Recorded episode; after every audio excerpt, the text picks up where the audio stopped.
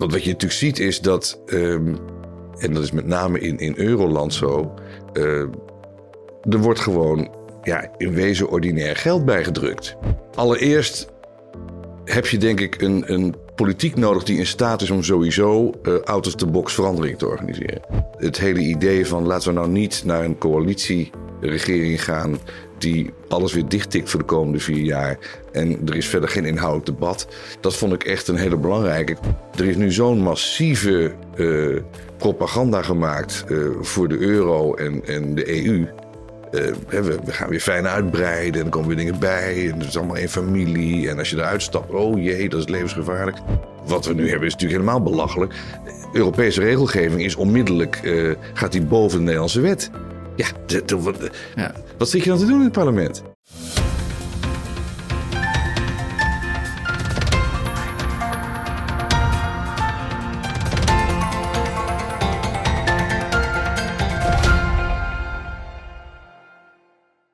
Hallo allemaal, ik ben Paul Buitink, directeur bij edelmetaalbedrijf Holland Gold.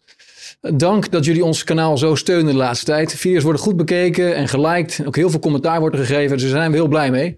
Uh, blijf dat vooral doen en blijf ook inderdaad commentaar geven op de video's, want daar leren we van. En dat zorgt er ook weer voor dat we nieuwe gasten uitnodigen. Bijvoorbeeld het gesprek met Mona Keizer werd zeer gewaardeerd. In de commentaren zagen we dat er ook heel veel behoefte was om een keer weer een FVD aan tafel te hebben. En dus gaan we daar natuurlijk naar luisteren.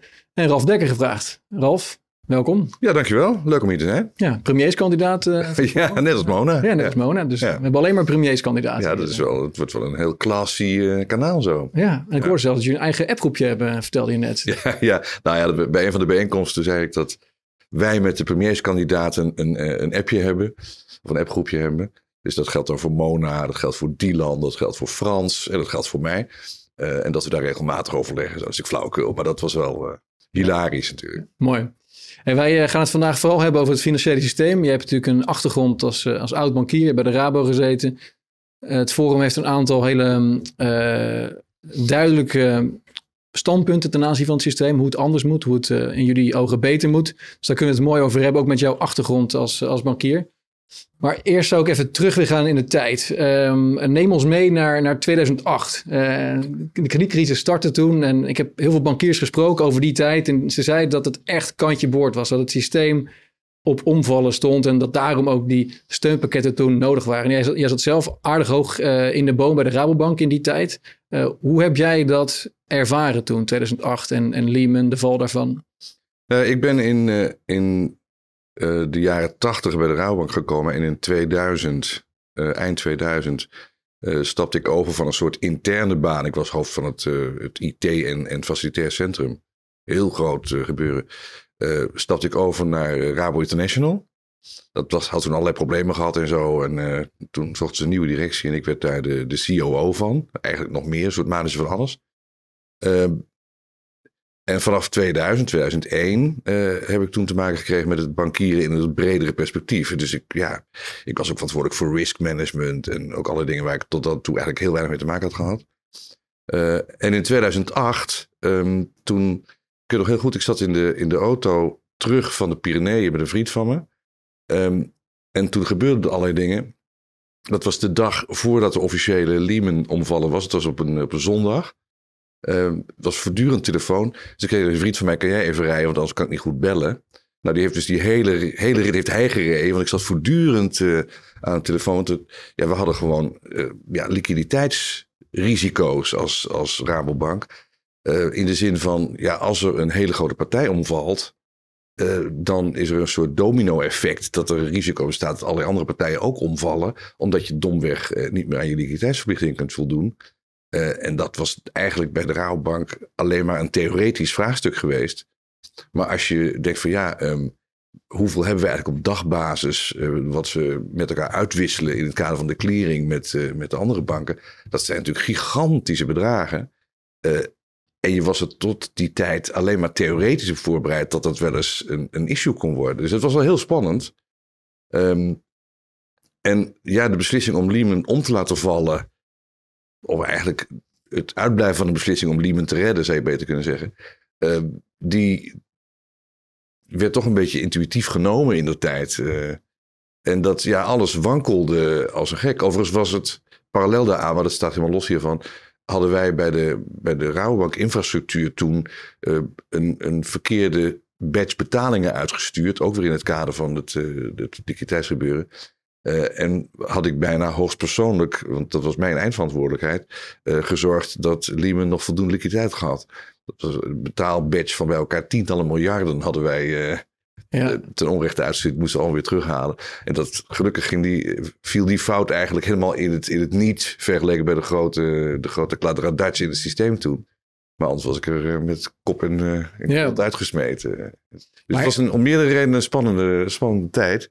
Ja, want Rabo heeft natuurlijk geen uh, een bail-out gekregen van de Nederlandse staat, maar wat, wat minder goed bekend is. Maar Rabo heeft wel toen heel veel um, uh, leningen gekregen vanuit de Fed. Heel veel uh, noodleningen zijn toen ook verstrekt aan onder meer de Rabobank. Bleek later uit, uit stukken. Dus had de Rabo op dat moment zo omstreeks het, het vallen van Lehman problemen? Wat, wat jij nog weet daarvan?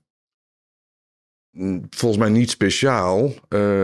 Nee, sterker nog, wij waren relatief uh, licht in, uh, in die, die twijfelachtige hypotheekportefeuilles enzovoort. Andere partijen waren er nog veel groter in.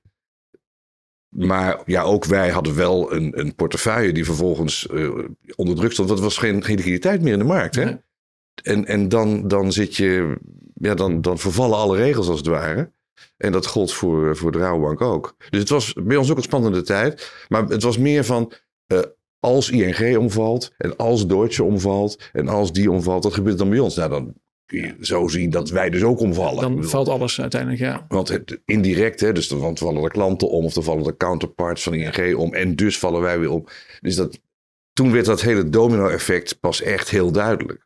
Ja, en je hebt van die verhalen van bankiers die dan uh, met hun vrouw belden van... Uh, schat, ga, ga nu geld pinnen, want het, het staat op omvallen. heb je ook je vrouw gebeld? Was het, was het dermate gevaarlijk in je ogen toen? Of viel dat wel mee eh, in Nederland? Nee, dit, nee. Dit, ik maakte me op dat moment eerlijk gezegd meer zorgen over die betalingsbatch die onder mijn verantwoordelijkheid per was uitgestuurd, ook nog een keer. Um, maar die kon je nog terughalen op tijd? Ja, maar het was, het was riskant omdat, kijk, op het moment dat, uh, dat een tegenpartij als Lehman niet meer kan betalen. Uh, kijk, het gebeurt als vaker dat er een grote betaling ten onrechte wordt uitgevoerd, heel soms. En dan wordt er even teruggedraaid, weet je wat, het is, gewoon een foutje maar op het moment dat het precies plaatsvindt, wanneer de counterparts die altijd super stabiel zijn, instabiel zijn geworden, dan ja, is het natuurlijk een andere situatie. Maar goed, dat speelde allemaal uiteindelijk niet. Ja, en, en we hebben ehm, hier een keer Hester Bias in de studio gehad. Die heeft het hele dikke boek geschreven, Worst Bank Scenario. Hmm. En, en toevallig zag ik dat uh, jullie haar een keer noemden ook uh, bij Forum Insight. En dat ze ook bij een bijeenkomst was recent uh, een debat dat jij had met Tom van Lamoen van de Libertarische Partij, of de Libertaire Partij. En had ze jou ook nog een vraag gesteld. En ze heeft ook die vraag op Twitter gesteld voorafgaand deze uitzending. Want ik had gezegd op Twitter dat wij elkaar zouden spreken. En, en um, jij zat bij Rabobank Nederland in het bestuur. En tussen 2013 en 2017 zijn er een aantal balanscorrecties geweest om een om eigenlijk een grootschalige fraude waar ze het over heeft, een liquiditeitstekort van 2 miljard bij alle banken in Nederland, om dat te verhullen. En ze vroeg zich af van hoe, hoe, hoe kijk jij naar dat verhaal? Wat, wat klopt van dat verhaal wat zij opgeschreven heeft? Ja, kijk, de, het, het opmaken van de jaarrekening van een bank is een, een ongelooflijk technisch exercitie ieder jaar weer. Uh, en wij hadden in de tijd Bert Brugging, dat was onze goeroe op het, op het finance gebied, de CFO. en dat was uiteindelijk, aan het eind van de rit, was dat een debat tussen tussen hem en de accountants en, en toezichthouders over hoe je. Hoe de waarderingsgrondslagen precies werken. hoe je de, de boekhoudregels die voortdurend aan het veranderen waren moet interpreteren. En daar kwamen we dan vervolgens met de accountant in, in debat. Want die moesten natuurlijk ook allemaal weer goedkeuren. En, en er waren stelselherzieningen op dat, op dat vlak. Dus ja, ik moet zeggen, als, als lid van de Raad van Bestuur niet heel diep in die finance, nam je daar eigenlijk gewoon kennis van. En ik heb inderdaad begrepen dat wij een, een paar, met terugwerkende kracht zelfs, een paar uh, correcties hebben moeten doorvoeren. Maar ook in overleg met de accountant, hè, want die accountant was uiteindelijk bepalend. En het wemelt van de, van de interpretatieverschillen. Um, en dat is allemaal wel, kijk, het komt allemaal wel uit de 2008-problematiek. Er is toen toch gezocht naar veel meer mogelijkheden om liquiditeit te creëren. Port portefeuilles van hypotheken bijvoorbeeld, die waren tot daarvoor was dat gewoon een portefeuille hypotheek. Daar kon je daar niks mee. Dat was in feite een fixed, fixed asset voor de, voor de bank.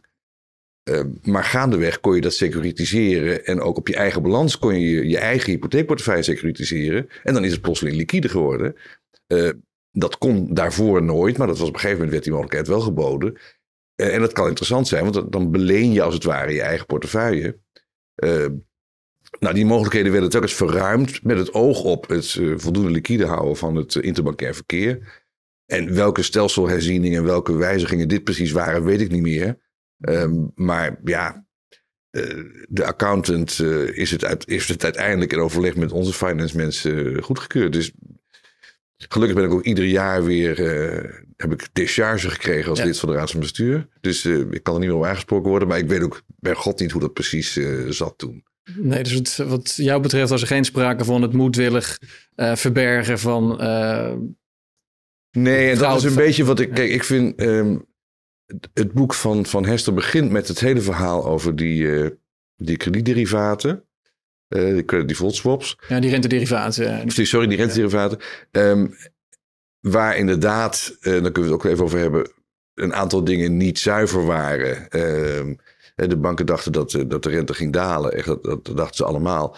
Uh, en dus leek het interessant voor, voor klanten om in plaats van een vast rentende lening een, uh, een variabel rentende lening te nemen in combinatie met een swap met de renteswap. Dat was goedkoper. En voor de bank leverde dat meer op, want ze kregen fee per renteswap of zoiets dergelijks.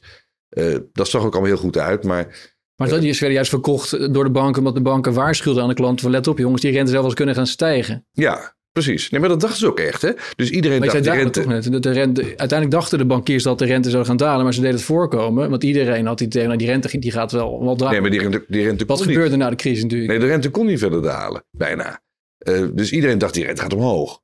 Dus doe nou een, eh, een renteswap, want dan. dan uh, je kunt twee dingen doen. Je kunt een vastrentende lening aangaan. Ja, zo ging het vroeger. Dan moet de bank de renteswap sluiten. In ja. feite is dat aan de kant van de bank. Uh, of je kunt zelf een vastrentende lening nemen en zelf ook een renteswap. Ja. Uh, dat, dat kan allebei.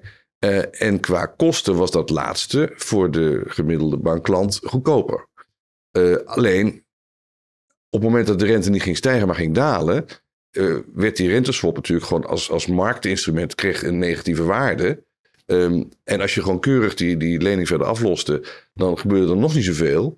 Uh, aan het eind van de rit kwam je dan prima uit als klant. Maar als er iets raars gebeurde tussendoor, of als je onvoldoende uh, collateral kon plaatsen of zoiets, uh, dan had je opeens een probleem. En dat is gewoon onvoldoende duidelijk gemaakt. En de banken gingen dan ook uh, liquiditeitsopslagen rekenen enzovoort. Ja. En dat was gewoon niet zuiver. Nee. Nou, dat, dat, dat, hebben de bank ook onderkend. Hè, van, ja. Oei, dat, ja, dat, dat is natuurlijk eigenlijk. MKB is ook voor gecompenseerd natuurlijk. En, uh... maar, maar, vervolgens is er een enorme ja, loopgravenoorlog ontstaan. Uh, met uh, allerlei ja, organisaties die de belangen behartigden van die MKB'ers. En die zelf ook daar wat wijzer van probeerden te worden. Want heel veel MKB'ers hadden uiteindelijk helemaal geen last gehad daarvan. Die hadden gewoon keurig die, die, die situatie doorlopen. En waren per saldo niks meer kwijt dan dat ze kwijt waren geweest bij een, een, variabele lening. Of een, vaste lening, sorry. dus voor de in de meeste gevallen maakt het eigenlijk helemaal niks uit. Maar ja, de bank had het, en dat is ook juist, die had het strikt genomen niet, niet goed behandeld. Want die liquiditeitsopslagen die dan gerekend werden en de negatieve waarde van zo'n swap, was die nou onvoldoende duidelijk gemaakt? Ja, in sommige gevallen wel. Heel veel klanten waren natuurlijk wel tegen precies op de hoogte van hoe het werkte. Uh, en die proberen die bank ja. ook weer. Uh, dus het, er zitten heel veel kanten aan, maar in ieder geval, dat kreeg een enorm, enorm vliegwiel. en de banken hebben daar vermogens uitgegeven het allemaal ook keurig netjes te regelen met al die klanten. En een van de grote uitdagingen is dan dat je alle klanten aantoonbaar op precies dezelfde wijze moet behandelen. Dat maakt het zo moeilijk. dus als, als Pietje 10 gekregen heeft en Jantje 12, uh, ja, dan, dat, dat kan niet. Want je moet aantonen dat, dat Jantje en Pietje aan dezelfde omstandigheden exact hetzelfde gekregen zouden hebben.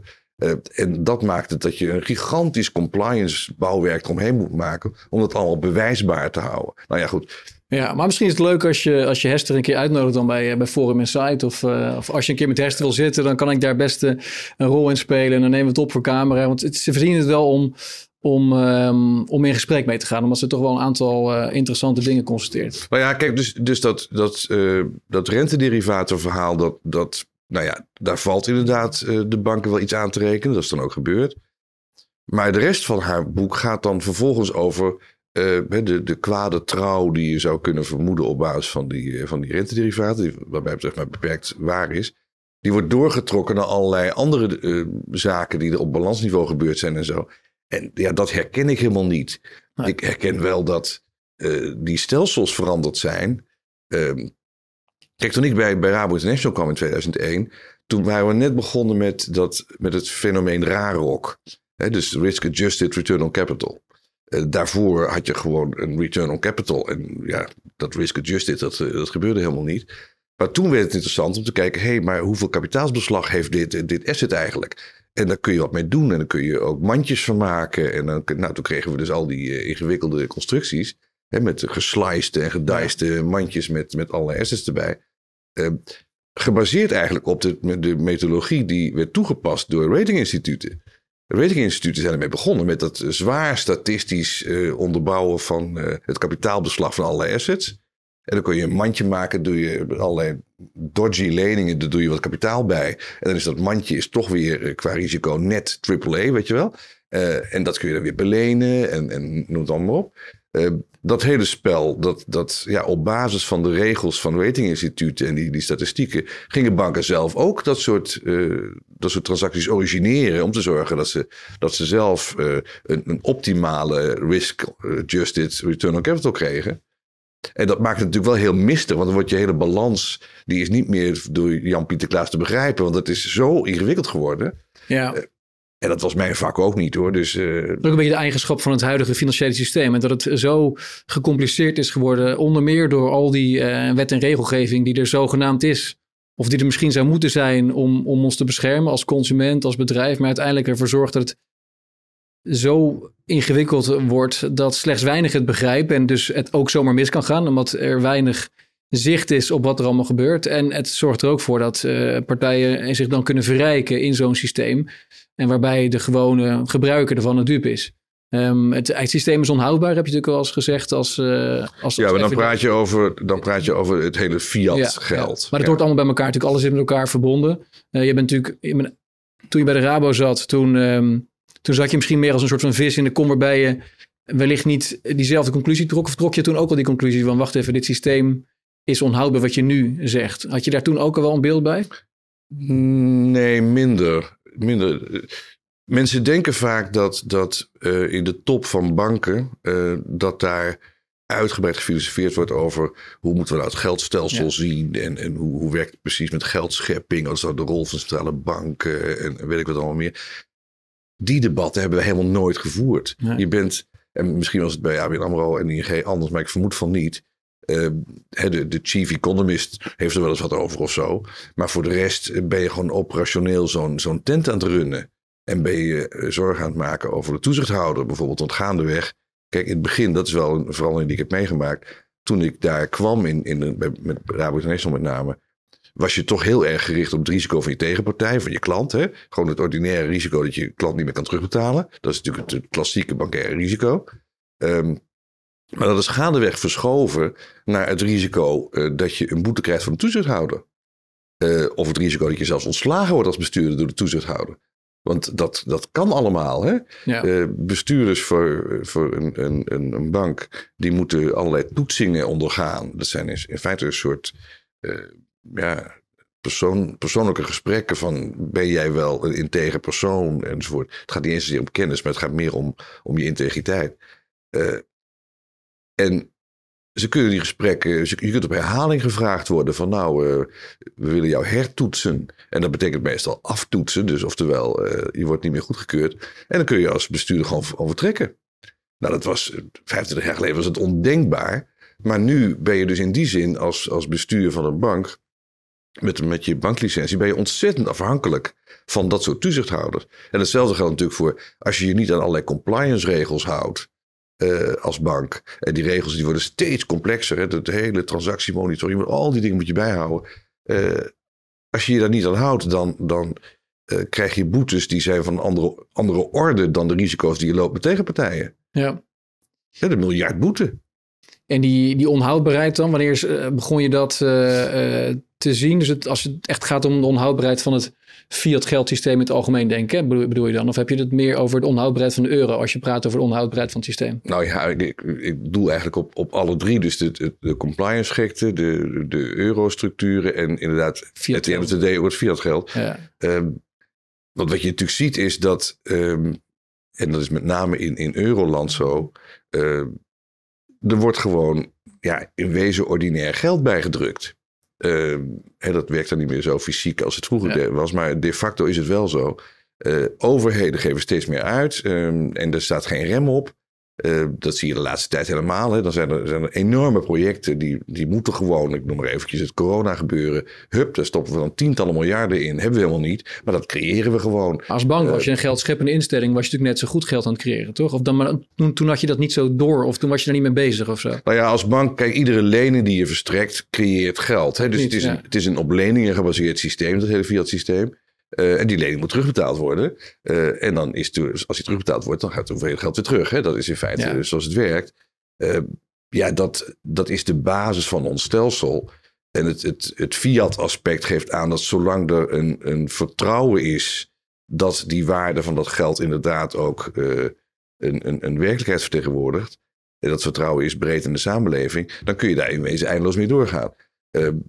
En je kunt ook eindeloos doorgaan met het, met het oppompen van de hoeveelheid geld. Alleen ehm, op het moment dat het vertrouwen weg is en je hebt helemaal geen, enkele, geen enkel ankerpunt meer waar je dat aan kunt, kunt relateren aan, aan schaarste, zeg maar. Want dat geld is natuurlijk niet schaars, je kunt het eindeloos blijven produceren. Eh, dan loop je het risico dat op een gegeven moment het vertrouwen wegvalt. En als het vertrouwen wegvalt, dan, dan, ja, dan krijg je echt eh, de, de hyperinflatieproblemen, weet je wel. De kruiwagens vol Ja. met... eh, dus En dat vertrouwen, dat valt af en toe weg. Nou, toen jij in de auto terug van de Pyreneeën zat bijvoorbeeld, of we hebben het dit voorjaar gezien eh, ja, in Amerika. Ehm, we hebben natuurlijk tijdens de eurocrisis ook gezien dat het vertrouwen wegviel in de euro als munt. Ehm, ik heb overigens hier wel grappig, misschien wel leuk om even te laten zien en kijken. Een van onze klanten is een kunstenaar, die heet uh, martkrijger.com. Die heeft dus een, dit, dit kunstwerk gemaakt. Het is een spaarvarken waar je niks in kunt doen. en dan staat hier een spiegelbeeld op Don't Save Money. ja. Dat is wel grappig. Als mensen meer willen weten van Mart Krijger, kijk even op, martkrijger.com. Hij heeft eh, ook dit schilderij, of eh, dit eh, kunstwerk hierachter, eh is door hem gemaakt. Ehm, maar ja, leuk. Ja. sparen is, is, is lastig in, in een systeem natuurlijk waarbij geld heel erg makkelijk kan worden bijgedrukt. Ehm, laten we het zo nog even hebben over inflatie en, en hoe moeilijk het is om te sparen in zo'n omgeving. Maar als we het hebben over die onhoudbaarheid. Dus je wil uiteindelijk als FVD wil je, eh, een, naar een ander systeem toe. Eh, wat, Ja, wat, voor systeem heb je dan voor ogen? Nou ja, first things first. eh, allereerst heb je denk ik een, een politiek nodig die in staat is om sowieso out of the box verandering te organiseren. Ehm, want als je dat niet hebt, dan kun je wel filosoferen over nieuwe systemen, maar dan loopt het gewoon in zijn, zijn bestaande richting door.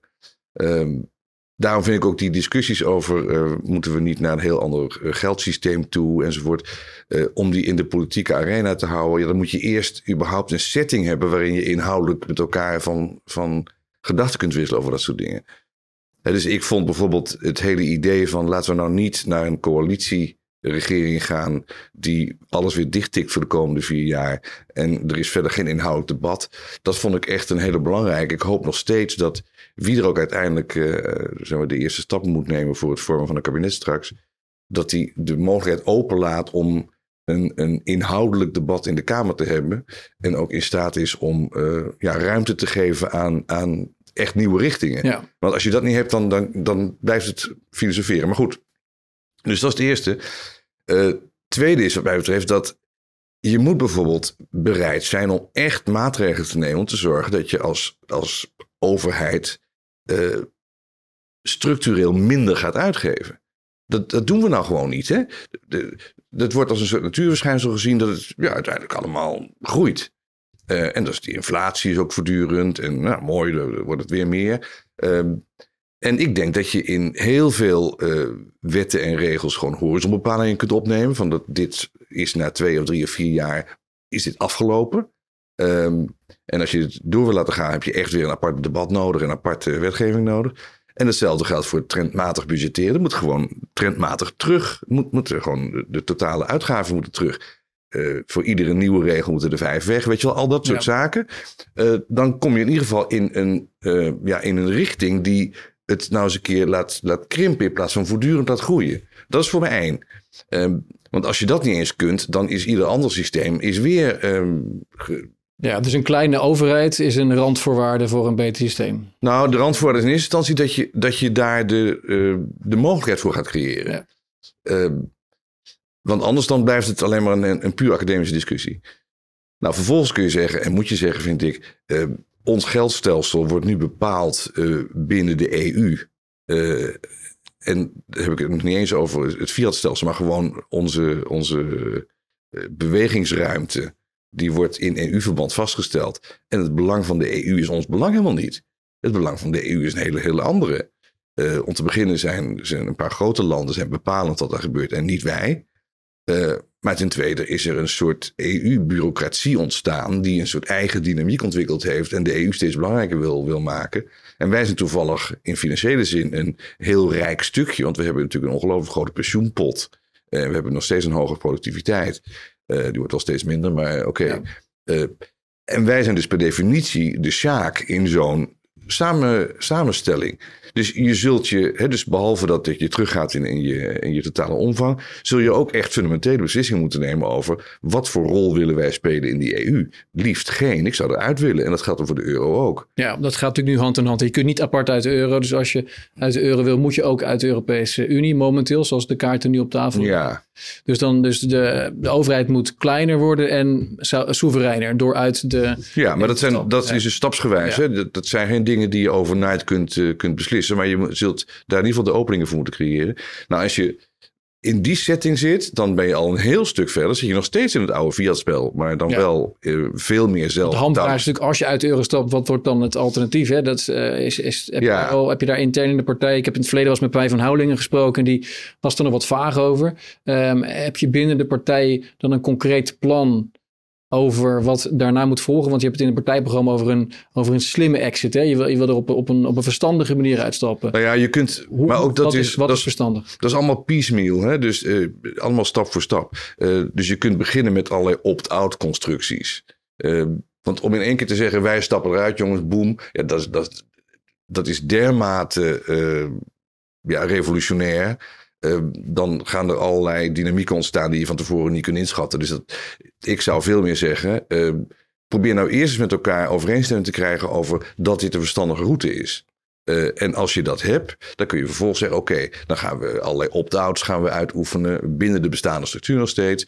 En dan kunnen we daar stap voor stap uit. En we kunnen ook dan kijken of we niet een leidende rol kunnen krijgen. Want er zijn veel meer landen in Europa die zich eigenlijk ja, uh, onwillekeurig laten meesleuren in de EU-logica, maar die eigenlijk er net zo goed uh, een, een ander verband zou willen. Ja, maar die opt-outs, dat wordt ook genoemd door uh, nou, Mona Keijs, die keer aan tafel had, of ja, 21, dat is best wel gangbaar uh, bij, bij veel partijen nu in het huidige klimaat om met opt-outs aan, aan de slag te gaan. Ja. maar stel dat je een opt-out bedingt voor bijvoorbeeld een nieuw fonds of zo, of, of, of anderszins dan nog zit je in een situatie waarbij je als FVD het liefst teruggaat naar een eigen munt of in ieder geval uit de euro. Want je kunt je eigen rentebeleid niet voeren. Nee, helemaal eens. Je eigen wisselkoers niet. Uh, niet nee, nee, dus stel mij wat. Ja, dat is waar. Dus uiteindelijk als je die dan, uh, stel je wordt, uh, je, je, komt aan de macht en je gaat met je Europese partners praten en je gaat over die opt-outs praten. Uiteindelijk weten zij dat jouw uiteindelijk het doel is op de horizon om, om eruit te stappen. Dus is het dan niet ook logisch een zaak om, om een heel plan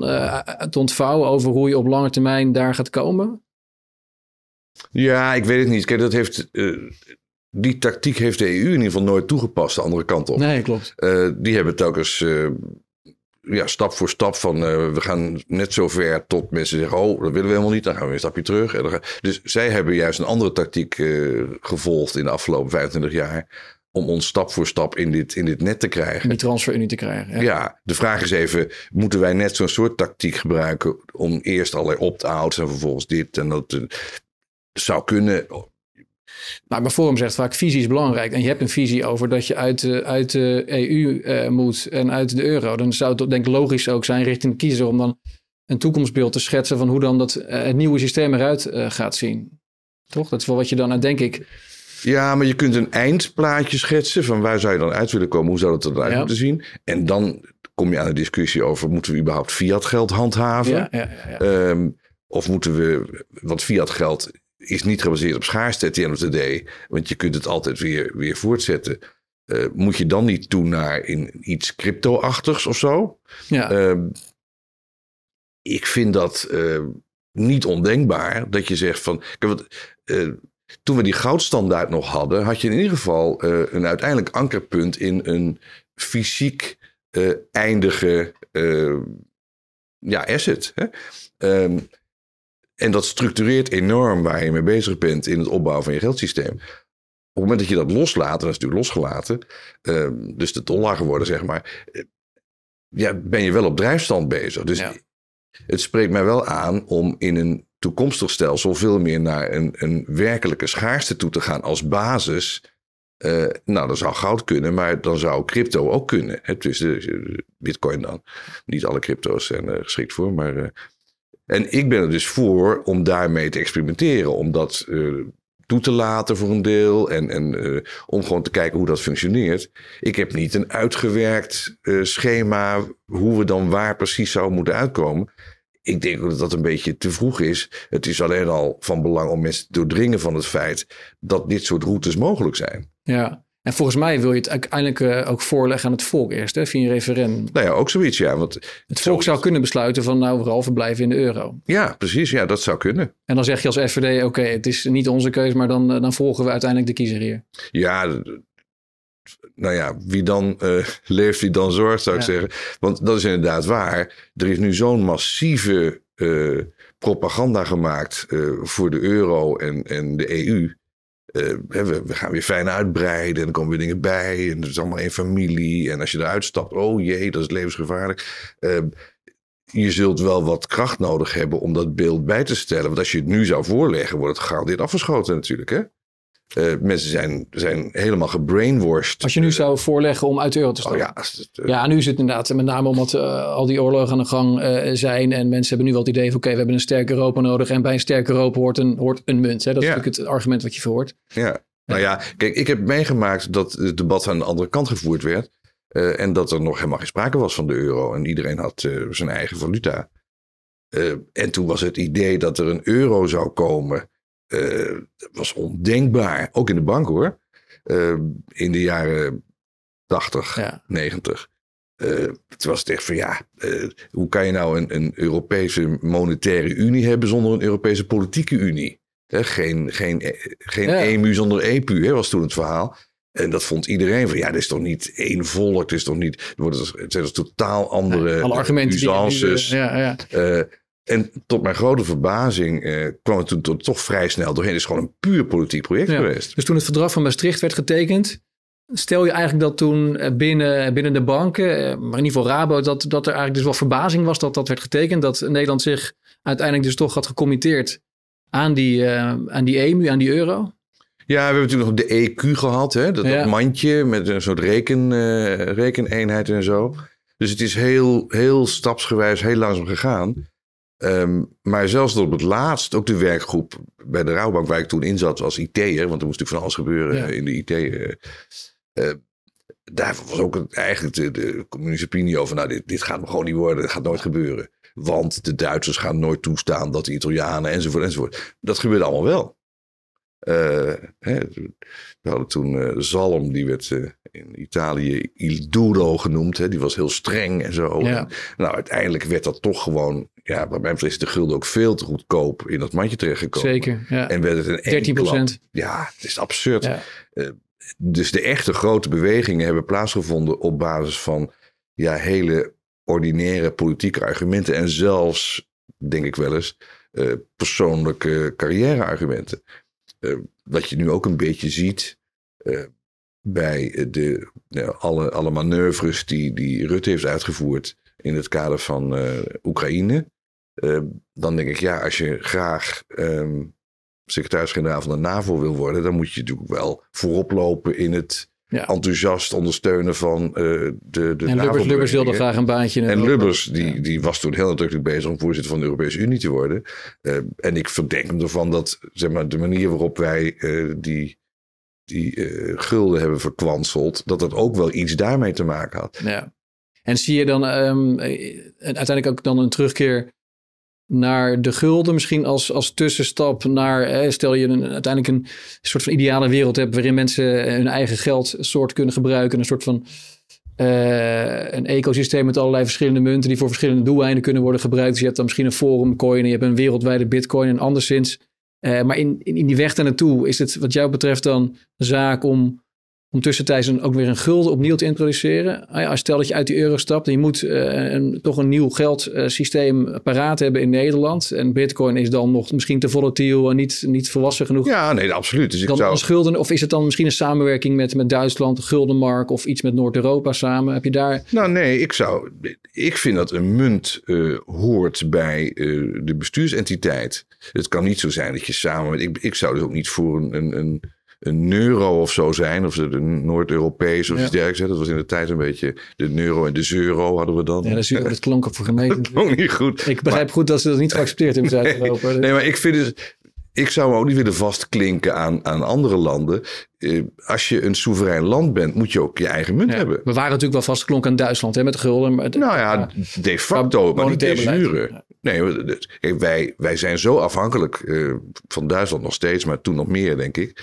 Uh, dat wij konden ons heel slecht permitteren om een eigen monetair beleid te voeren met de gulden. als er met de markt een andere kant op gegaan werd. Uh, want heel veel van onze economie zat aan elkaar vast. Ja. Dat, dat is prima, je kunt daarvoor kiezen. Maar we, we, konden ook kiezen om het niet te doen. Het was alleen risicovol, niemand durfde dat.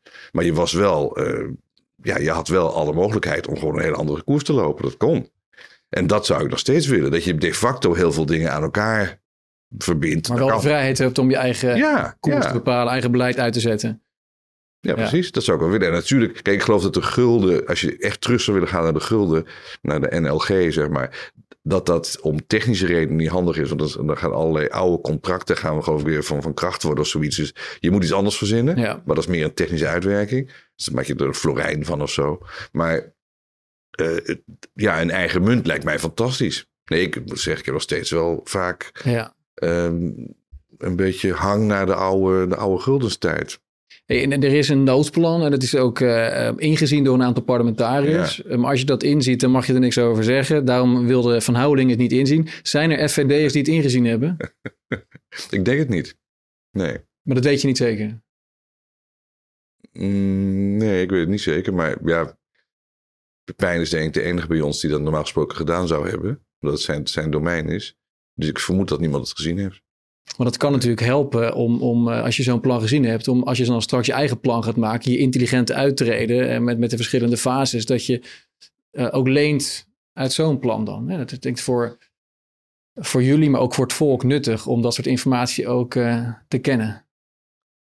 Ja, dat is wel, wel grappig dat je dat zegt, want uh, je hebt bij banken ook allerlei oefeningen van wat, wat moet je nou gaan doen als uh, plotseling... Uh, ja, scenario planning. Ja, ja, ja. En, en wat moet je dan... Uh, hè, wat, wat, is, wat, het wordt dan best lastig om, om dat uit te werken, want je zit dan als bank al heel snel in de, in de situatie dat je eigenlijk um, in overtreding bent van je eigen regels. Hè? Als, je, als je weet wat de plannen worden um, en je moet um, ja, vanuit, vanuit de bank en vanuit een soort aandeelhoudersvertegenwoordiging uh, moet je zuiver opereren. Dat, dat, dat is heel lastig. Dus je komt dan uh, in zo'n scenario planning vaak uh, heel moeilijk uit. en scenario planningen hebben ook de neiging om een self-fulfilling prophecy te worden. Je zag dat bij die hele pandemieplanning ook. Je, je creëert een heel stelsel van, van van ja, entiteiten die gaan optreden zodra er iets gaat gebeuren. Ja. En dan ga je helemaal plannen hoe je daar gaat optreden. En op een gegeven moment worden die ook een beetje trigger happy. En dan Ja. is er een keer wat en dan gaan ze ook zo optreden. Ja, dus je roept het een beetje over jezelf af. Dat is bij die banken ook zo. Dus het is goed dat dat soort plannen niet breed besproken worden. Want dan gaat het een, een eigen dynamiek ontwikkelen, vrees ik. Maar goed, je kunt natuurlijk wel een beetje, een beetje uittekenen hoe dat in elkaar zou zitten. En dat is niet, uh, niet plezierig. Nou, je wilt voorkomen dat je straks uh, als, als volk wordt verrast in een weekend. Uh, dat, je, dat je als Nederland uit de euro stapt. en dat misschien Brussel zo pist is dat ze het zelfs een beetje chaotisch laten gebeuren. Zoals we natuurlijk in Griekenland hebben gezien of na de brexit. Als we eruit stappen als founding father uit de Europese Unie, uit de euro, dan heeft Brussel en denk ik een, een, een prikkel bij om het zo pijnlijk mogelijk voor ons te maken. Dus een, een, een pijnlijke overstap naar je eigen munt is, is misschien iets wat zou worden gewaardeerd in Brussel, maar voor het Nederlands volk natuurlijk heel erg slecht zou uitpakken. Dus ja, wil je op voorbereid zijn, zou je zeggen. Ja, maar... Zeker als je als partij uit die euro wil op termijn, dan moet je natuurlijk, denk ik, die scenario planning wel goed voor elkaar hebben om te voorkomen dat we straks enorm veel chaos en eh, pijn hebben. Ja, nou, dan moet je dus ook in het Europese zitten, want je moet dan wel weten hoe, dat daar, uh, hoe die hazen daar lopen. Um, en ja, het vervelende is dat, dat Nederlanders in, uh, in Europese dienst, uh, of het nou is in de, de Europese Commissie of in de ECB of, of in wat voor een overkoepelend uh, gebeuren ook, die worden altijd roomser dan de paus als het gaat over hun Europese oriëntatie. En dat geldt dus voor de, voor de euro en voor de, voor de EU ook.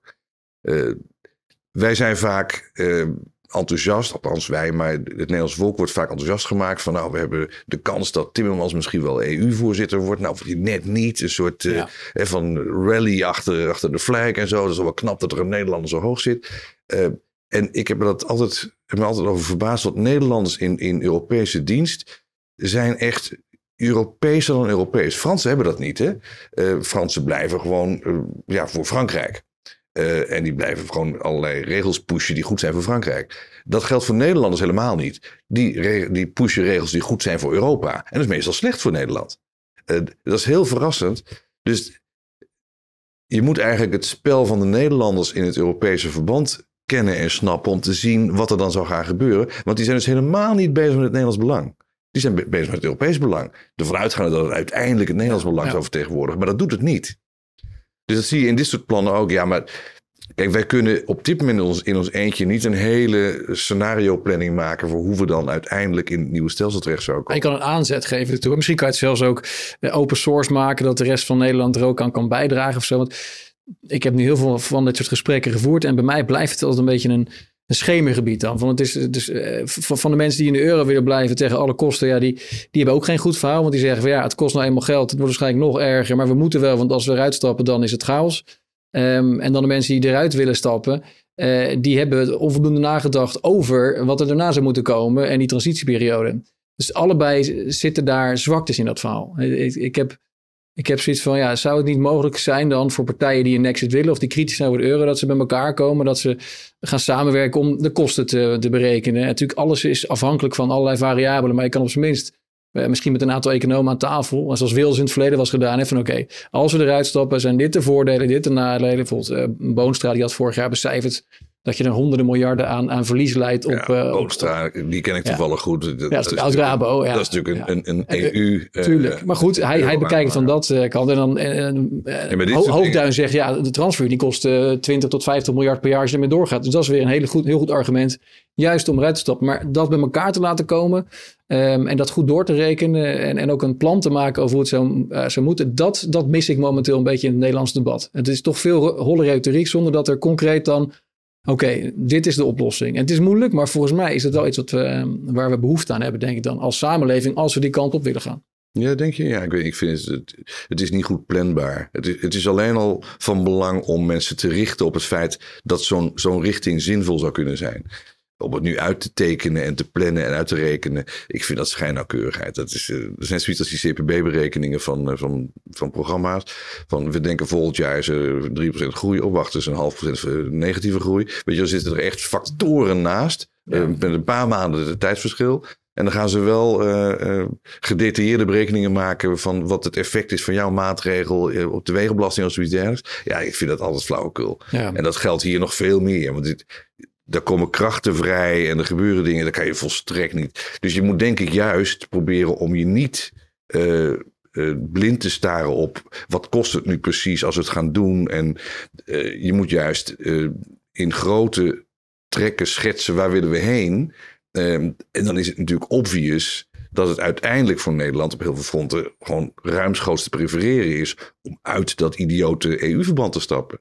En uit die idiote euro. Het slaat, het slaat in zijn essentie helemaal nergens op. En dat je dan in het pad daar naartoe uh, hier en daar wat pijn zou kunnen leiden, ja, dan moet je tactisch in opereren. En dan is maar de vraag of het tactisch handig is om helemaal uit te tekenen waar je uit wil komen. Dat, dat, ja, dat is de vraag. Is het is inderdaad, dat vind ik een goede vraag hoor. Daar ben ik zelf ook niet over uit. Is het wel of niet tactisch om dat zo kenbaar te maken? Maar goed, we hebben in ieder geval de afgelopen jaren gezien dat we uh, natuurlijk iedere keer, uh, of we zeg ik dan, uh, de regering niet in staat is om, om in de onderhandelingen goede dingen te winnen voor Nederland. Zoals die opt-out, zodat we natuurlijk veel eerder mee kunnen beginnen. Nee, maar de regering heeft ook de neiging, de, al die mensen die, die daar zitten, hebben de neiging om zich helemaal te verplaatsen in de belangen van de EU. En zich ja, meer EU'er te voelen dan Nederlander. Dat, is, dat is echt zo. ik zie ook, kijk, ik loop er wat langer mee. En in de tijd dat wij, nou ja, minister-president Drees hadden, zeg maar. Dat is dan nog wel iets voor voor mijn tijd, maar ik heb het wel meegekregen. Had je toch echt het gevoel, daar zit iemand goed of slecht, maar die, die opereert echt in het Nederlands belang. Ja. En die heeft natuurlijk te maken met allerlei krachtenvelden die hij niet kan beheersen, maar die probeert wel het Nederlands belang te vertegenwoordigen. Een hogere functie dan dat is er ook niet vanuit Nederland gezien. Nee, dus als jij aan tafel zou zitten in Brussel, dan zou je gewoon met je vuist op tafel slaan en zeggen: nee, we gaan geen nieuw fonds doen of nee, we gaan niet. Ja, als dat in het Nederlands belang is, ja, natuurlijk. Ja. Uh, en ik probeer dan niet, en dat, dat proef je toch bij iedereen een beetje. Uh, van ja, dit is uiteindelijk uh, misschien wel mijn toekomst. Of ik moet uh, goede relaties houden en weet ik wat. Uh, en dat zie je dan ook gebeuren. Je ziet dat heel veel politici ook in dat soort supranationale structuren terechtkomen. Of het nou EU is, of VN, of NAVO, of, of WHO, noem het allemaal maar. en vanuit de gedachte dat, dat uiteindelijk de wereld één toneel is en het moet allemaal aan elkaar verbonden worden. En het is eh, heel ouderwets om je op één natie te richten. Dat moet helemaal niet, het moet veel breder. En dat is toch een beetje de, de eh, ja, je bent provinciaal als je je op je eigen landje richt. Hè? Uh, dat, dat soort gevoelens liggen er dan volgens mij onder. En ik zeg nee, je bent gewoon door het Nederlandse volk gekozen om daar te zitten. je moet het Nederlandse volk vertegenwoordigen en die het, de belangen van Nederland maximaal dienen. Uh, en dat gebeurt gewoon niet. Dat is aantoonbaar, gebeurt dat niet. En, daarom, daarom willen jullie ook als partij voor zorgen dat internationale um, regelgeving niet direct doorwerkt in de Nederlandse wet. Nou ja, dat is, één, dat is één voor wat we nu hebben, is natuurlijk helemaal belachelijk. Europese regelgeving is onmiddellijk, uh, gaat die boven de Nederlandse wet. Ja, de, de, ja, wat zit je dan te doen in het parlement? Ja, dan word je een schijndemocratie. Wat dan. Ja, dat, het, in zekere zin, ja, dat, dat zijn allemaal van die gevoelige kreten. Maar ik vind dat, dat is het allerminste. Je kunt zeggen, jongens, we moeten het wel ratificeren in Nederland voordat het überhaupt van kracht is hier. Want wij bepalen wat er gebeurt en niet de EU. Maar dat is, uh, qua rechtsregels is dat al allemaal... Uh, ja. Dat is wel, wel om te draaien hoor, dat is wel terug te draaien. Maar dat moet je wel, uh, wel gaan doen. Het zijn natuurlijk geen natuurwet, dus alles valt uiteindelijk om te draaien. Ja, precies. Maar je, je hebt eerder gehad over een aantal om, ja, grote krachten die los kunnen komen bij zo'n breuk. Hè? in, in het partijprogramma heb je het erover dat je graag bij de Europese of de Economische Vrijhandelsassociatie uh, wil horen als Nederland. Eh, samen met Noorwegen en, uh, en IJsland en Liechtenstein volgens mij.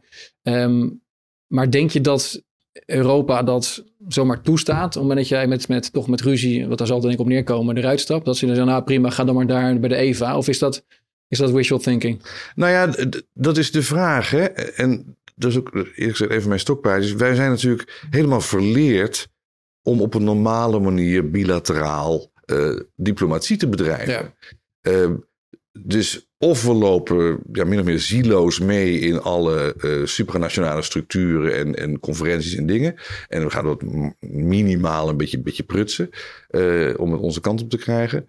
Um, maar je kunt ook zeggen, ik ga gewoon veel intensiever um, mijn eigen visie, niet de Europese, maar mijn eigen visie, uh, ga ik uh, bespreken met mijn, met mijn, counterparts en weet ik wat. Ik snap dat er allemaal politieke belangen liggen enzovoort. Maar wij hebben dat hele netwerk aan, aan diplomatie, laten we een beetje liggen. Dat zie je bij, bij het NAVO gebeuren ook. Hè?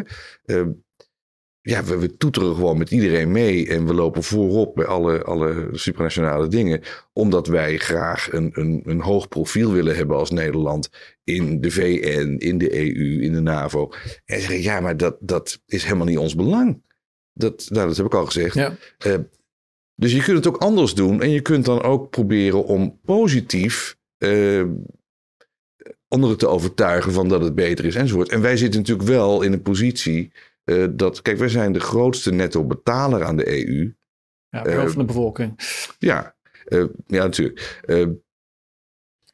Wij hebben op heel veel fronten zijn, zijn wij een gigantisch verlies voor de EU als we eruit zouden stappen. Dat, dat, dat is echt dat zou zelfs ondermijnend zijn voor de hele structuur. Ja, absoluut. Dus uh, zullen ze alles op alles zetten om via druk en dreiging ons binnenboord te houden? Ja, dreiging. Eh, kijk, nou, bijvoorbeeld de haven van Rotterdam of Schiphol, een aantal van die hubs die mogelijkerwijs dan niet meer uh, zullen worden gebruikt vanwege allerlei uh, heffingen die worden toegepast of sancties. Ik, ik, denk dat het misschien wel zo hard gespeeld kan worden uiteindelijk. Dat soort dreigementen zullen wellicht over de tafel vliegen als je straks aan tafel zit in Brussel. Nou ja, wij zijn de tweede investeerder eh, wereldwijd in de Verenigde Staten bijvoorbeeld. Uh, over druk gesproken. Je kunt ook allerlei andere dingen Weet doen. Weet je, zoals Groot-Brittannië ook probeert gewoon andere verdragen te sluiten. ja, ja, maar ik bedoel, wij, wij kunnen ook druk uitoefenen ja, de andere kant op. Hè? Ja. Wij, wij hebben misschien, we zijn zelf misschien niet een hele grote markt, maar we hebben wel ontzettend grote investeringskracht in allerlei landen die we ook anders kunnen aanwenden. We, hebben, uh, we lopen nu helemaal voorop in al die structuren. En dat betekent dat ze ook ontzettend veel invloed hebben op al die structuren. Alleen, alle vraagstukken, bijvoorbeeld het stikstofvraagstuk, eh, om maar iets, iets geks te noemen, dat hebben wij in Europa ingebracht. En, ingebracht. en nu zeggen we, goh, dat is ook wel triest dat Europa. Nee, dat hebben wij zelf verzonnen. Dus we hebben een hele rare rol daarin. We zijn dus ook heel, uh, heel succesvol in het beïnvloeden van al die structuren. Dus we kunnen ook de andere kant op werken, als we, als we maar willen. Dus dat is ook voortdurend mijn betoog. Het allereerste is dat je politieke wil organiseren. Dat geldt voor alles, geldt voor, voor, voor de massamigratie, geldt voor alles. Uh, als je dat voor elkaar krijgt, en dat is ook de reden waarom wij zo ontzettend veel aandacht besteden aan het proberen te opiniëren in Nederland. Uh, als je dat voor elkaar krijgt, dan kun je heel veel dingen in beweging brengen. Er kan, zelfs in de huidige setting kan er al veel meer dan we nu doen. Wij zijn nu aan het anticiperen op het feit dat, dat uh, het straks niet meer mag. En dan gaan we, weet je wel? Ja. Uh, terwijl de andere landen, ik noemde Frankrijk al, dat ken ik wat beter, maar ook, ook Italië is al mooi.